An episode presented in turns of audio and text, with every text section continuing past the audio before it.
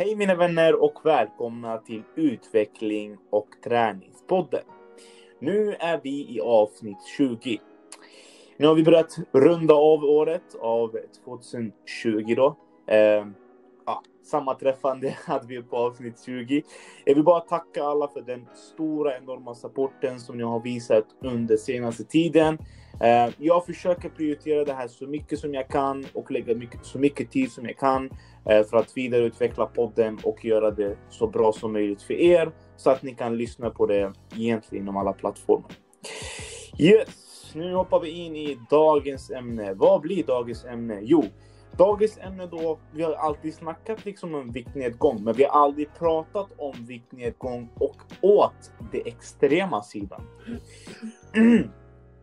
Och nu, nu tänker ni, okej, okay, vad menar jag med den extrema sidan? Ja, då snackar jag om att man inte äter någonting alls. Att man är extremt smal, utan det som man säger på engelska, at the other side of the continuum. Okej, okay. eh, vår gäst då, som heter Pernilla Elfström, eh, har haft störningar egentligen sedan hon har varit liten. Eh, hon har en enormt bra historia. Jag hittade henne genom Instagram. Eh, jag tyckte hon spred väldigt bra kunskap, generella budskap inom tips och tricks inom träning då. Ja, så jag tänkte det blir en intressant poddgäst eh, som man ska få intervjua och få äran att dela med sig liksom sin historia också. Um, Pernilla har haft en historia som sagt genom ätstörningar Eh, där hon eh, en hel del av sitt liv, nästan 14-15 år som hon beskrev, inte kunde äta någonting. Mådde inte så bra såklart av det. Eh, hon fick inte ens vara med i idrotten eh, i skolan för att vara så pass illa. Eh, och eh, just när det kommer till ätstörningar, det är jättemånga som lider i Sverige av det. Och eh, det är jättemånga liksom som är på den nivån att jag vågar inte äta det här. Tänk om jag kanske går upp i vikt av det här. Och det, det är jättemycket övertänkande just ihopkopplat med ätstörningar. Och sen har jag, tror jag verkligen att det har att göra mycket med ja, men, hur man uppfostrad när man var liten. Vad har man haft för del av erfarenheter i skolan? Och omgänget spelar jättemycket roll över hur man äter. Uh, men hon kunde faktiskt pusha förbi sig genom de dåliga situationerna och ätstörningar ehm, till att börja träna och skaffa sig en hälsosam livsstil. Eh, så jag tycker det är väldigt viktigt att snacka just om en sån topic med tanke på att det är många i Sverige som går igenom det. Och ehm, jag tyckte att Pernillas resa var en bra resa för att kunna motivera och peppa alla att komma igång med en hälsosammare livsstil och kost. Jag tror ni har fått eh, nog om min röst, så nu ska vi presentera vår gäst Pernilla Elfström. Så Pernilla, berätta vem du är, vad ja. du gör i dagsläget och varför vi ska just lyssna på dig idag. Vad har du att meddela? Ja, hej Pernilla heter jag. Um, ja, du har ju berättat en hel del redan. men, uh, ja, jag har ju två små barn, uh, 35 år. Har sambo sedan 2010 vi bor i ett hus ute på landet och där har vi byggt ett eh, eget gym åt mig då som jag kan träna i så att jag ska må bra helt enkelt nu. Det är jätteviktigt för mig att hålla det här med träningen. För det är ju min, eh, min stora ventil liksom. Jag går ner dit när jag mår bra, när jag mår dåligt, när jag är arg, när jag är ledsen. Ja, typ eh, jämt när jag har möjlighet. Yes. Och in, inte barnen uppehåller mig då. Ja, ja jag förstår. Ja. Mm. Eh, och sen måste jag ju träna, känner jag också överlag eftersom att jag jobbar som frisör. Just det. det är ju jätteviktigt om jag ska kunna fortsätta som det. Mm. Så vad har du för resa att berätta idag Pernilla? Väldigt kortfattat nu för det är bara intron så att vi bara vet liksom vad vi kan förvänta oss. Mm, ja, men alltså, det är väl egentligen um, det här runt sjukdomen. Att ehm, det kanske liksom inte, det syns inte på en. Alltså det är klart folk ser att man är smal och sådär men, men det är ju snarare sådär att folk har varit, men gud det är, du har det så himla bra, det är så enkelt för dig, du är smal och du kan äta vad som helst och ungefär som att man är liksom, man är lycklig om man är smal, då har man inga problem. Uh, vilket gör ju också det ännu jobbigare att uh, ta upp en, alltså ta upp det till ytan liksom och säga att jag kanske inte mår så jävla bra, jag kanske faktiskt är sjuk. Utan det blir liksom påspätt det här med att man ska dölja liksom problemet. Mm. Ehm, och ja, sen ehm, hur man liksom kanske måste hitta ett djup i sig själv för att kunna ta sig ur det. Jag behövde ju liksom, jag behövde helt enkelt eh, fokusera på någon annan och någonting annat. Min vändning kom ju liksom inte förrän jag fick mitt första barn. Det var då jag förstod liksom att jag kan inte, jag kan inte fokusera bara på maten och mitt dåliga mående och så, utan jag, jag, för då kommer inte jag kunna ta hand om min bebis.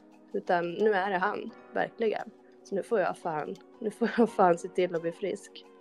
Mm. Okej, okay. men det där blir en väldigt intressant eh, resa att höra, eh, Pernilla. Mm. Så mina vänner, Pernilla Elfström, det hör vi lite mer om efter intron. Så vi kanske ses snart.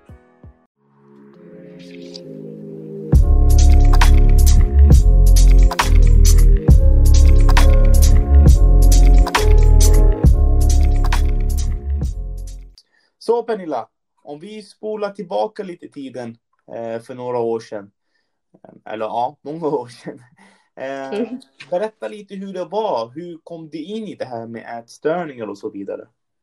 Mm, eh, alltså det var väl, eh, jag gick på högstadiet och jag var väl med kanske i, i lite coolare gänget men jag var ju liksom inte den som var den här populära tjejen utan det var ju de andra brudarna. Um, och jag höll ju på med fotboll då som var väl mitt huvudintresse.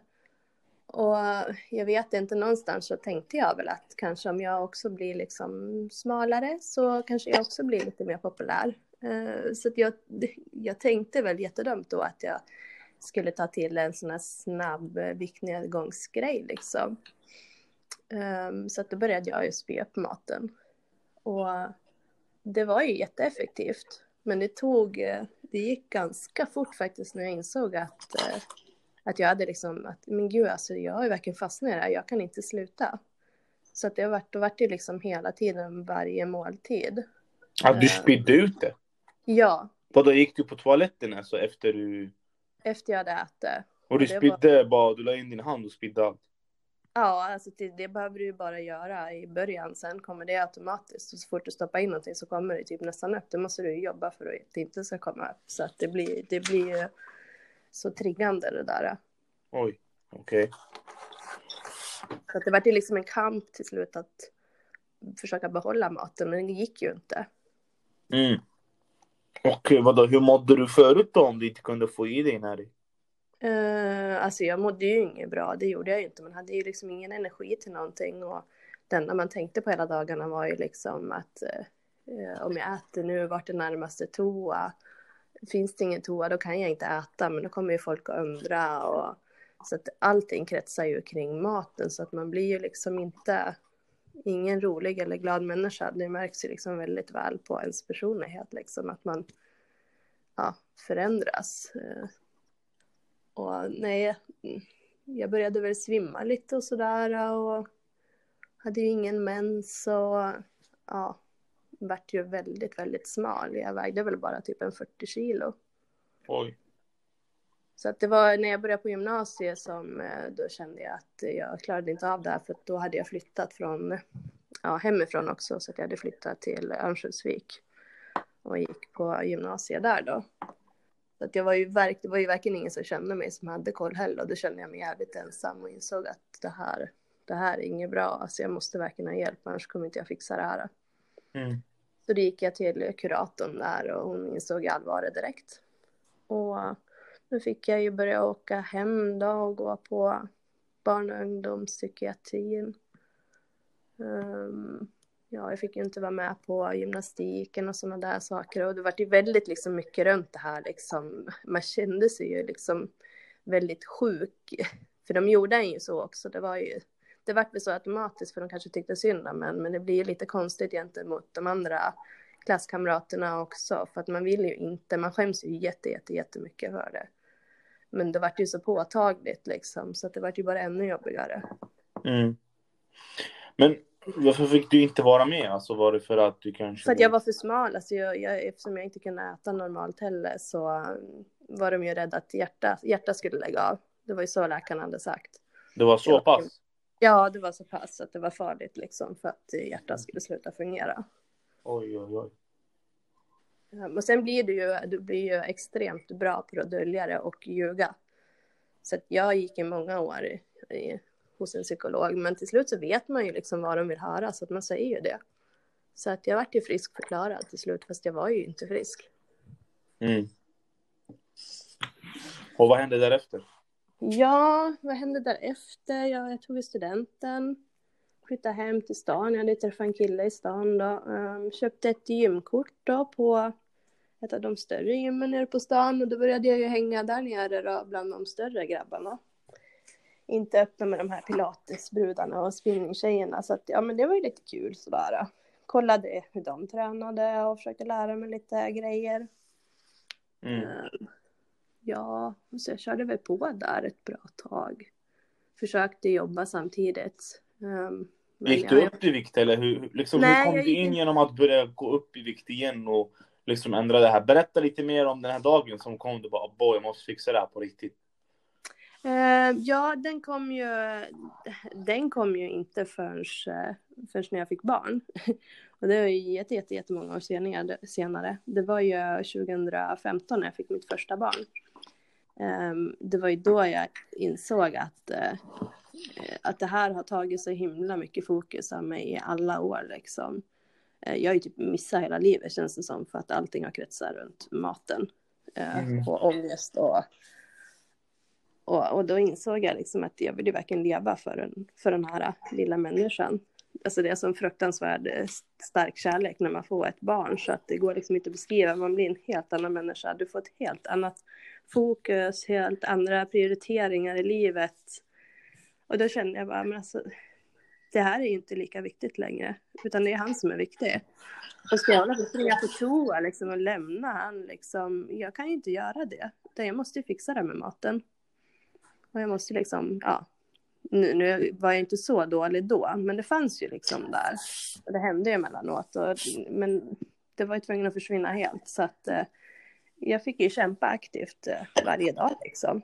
Mm. Att inte, inte liksom lägga fokus på att oj, gud, jag blir tjock om jag äter nu. Utan eh, att jag måste göra det här. Okej. Okay. Då är jag med. Och eh, när du väl började göra det, vad märkte du liksom för skillnad?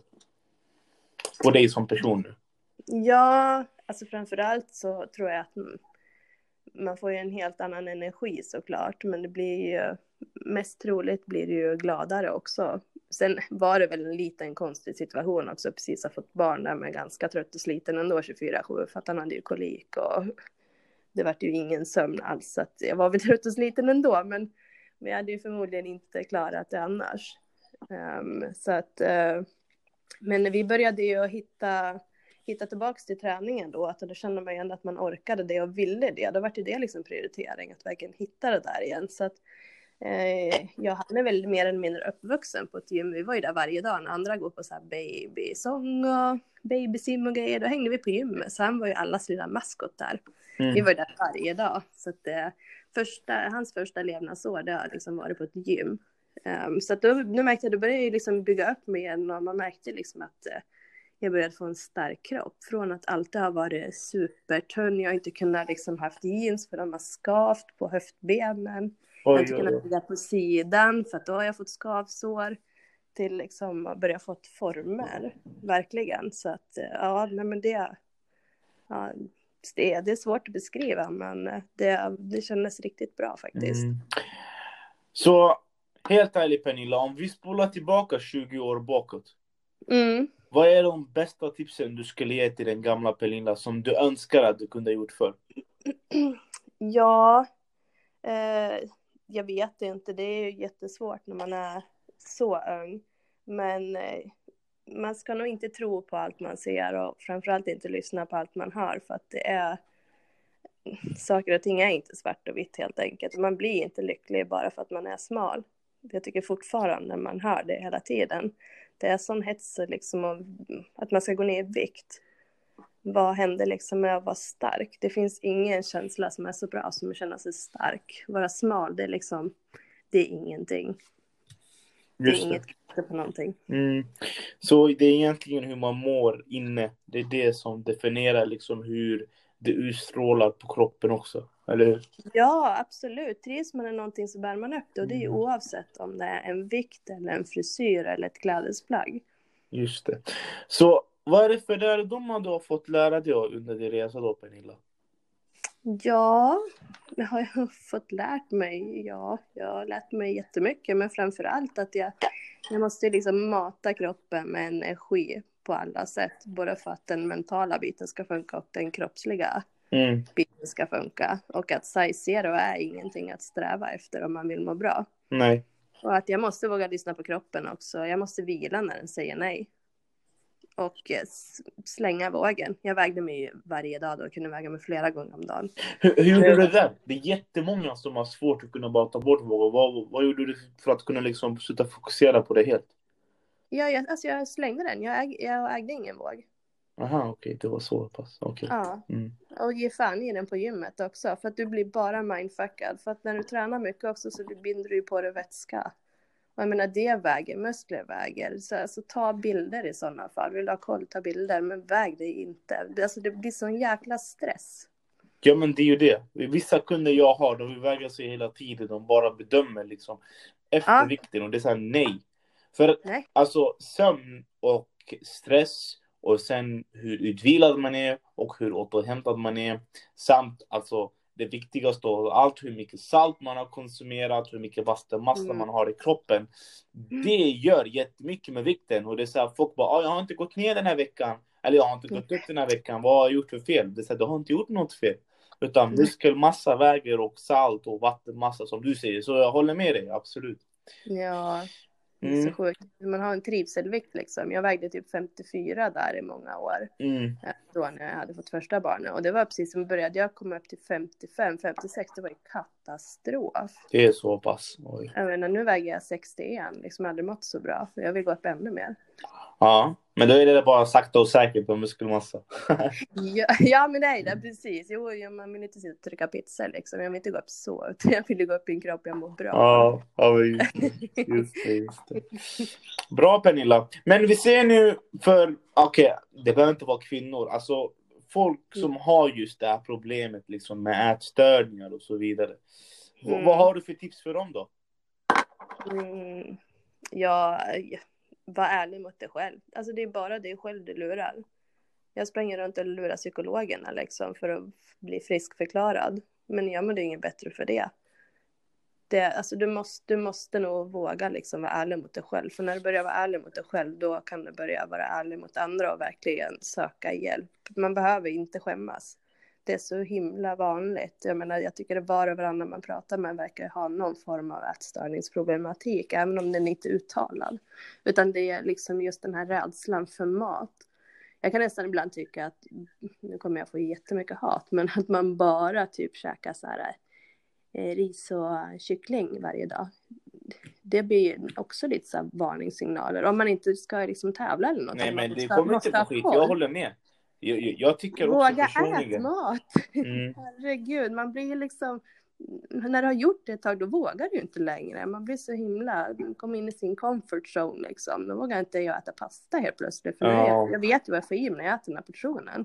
Det är Mm. så himla lätt liksom att hamna i ett fel, fel beteende. Ja, det är ju det med tanke på hur mycket Instagram man ser just nu. Ah, köp min kostplan, kyckling och broccoli varje dag. Ja.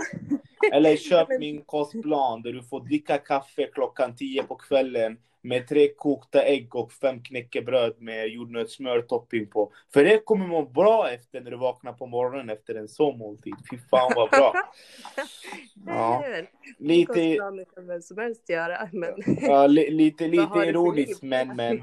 men, jo, men. jag förstår. Precis. Jo, men man måste ju ta hänsyn till hur ens liv ser ut. Liksom. Det går inte att jämföra med någon annans. Nej.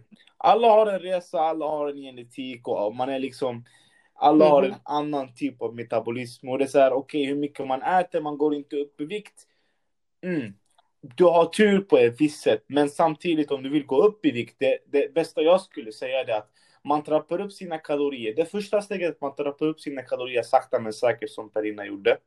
Um, andra saker är att man måste också komma igång med beslutet. Okej, vet du vad? Jag måste sluta fokusera att jag inte väger mycket, jag inte har muskelmassa och jag inte ser ut som jag vill se ut, utan man fokuserar på förändringen. Dag för dag, minut för minut, sekund för minut. Okej, okay. många brukar höra det så här, det är en kliché sagt, det är tusen olika citat. Investera i dig själv, lita på dig själv, bla bla bla bla. Det kommer inte hjälpa någonting.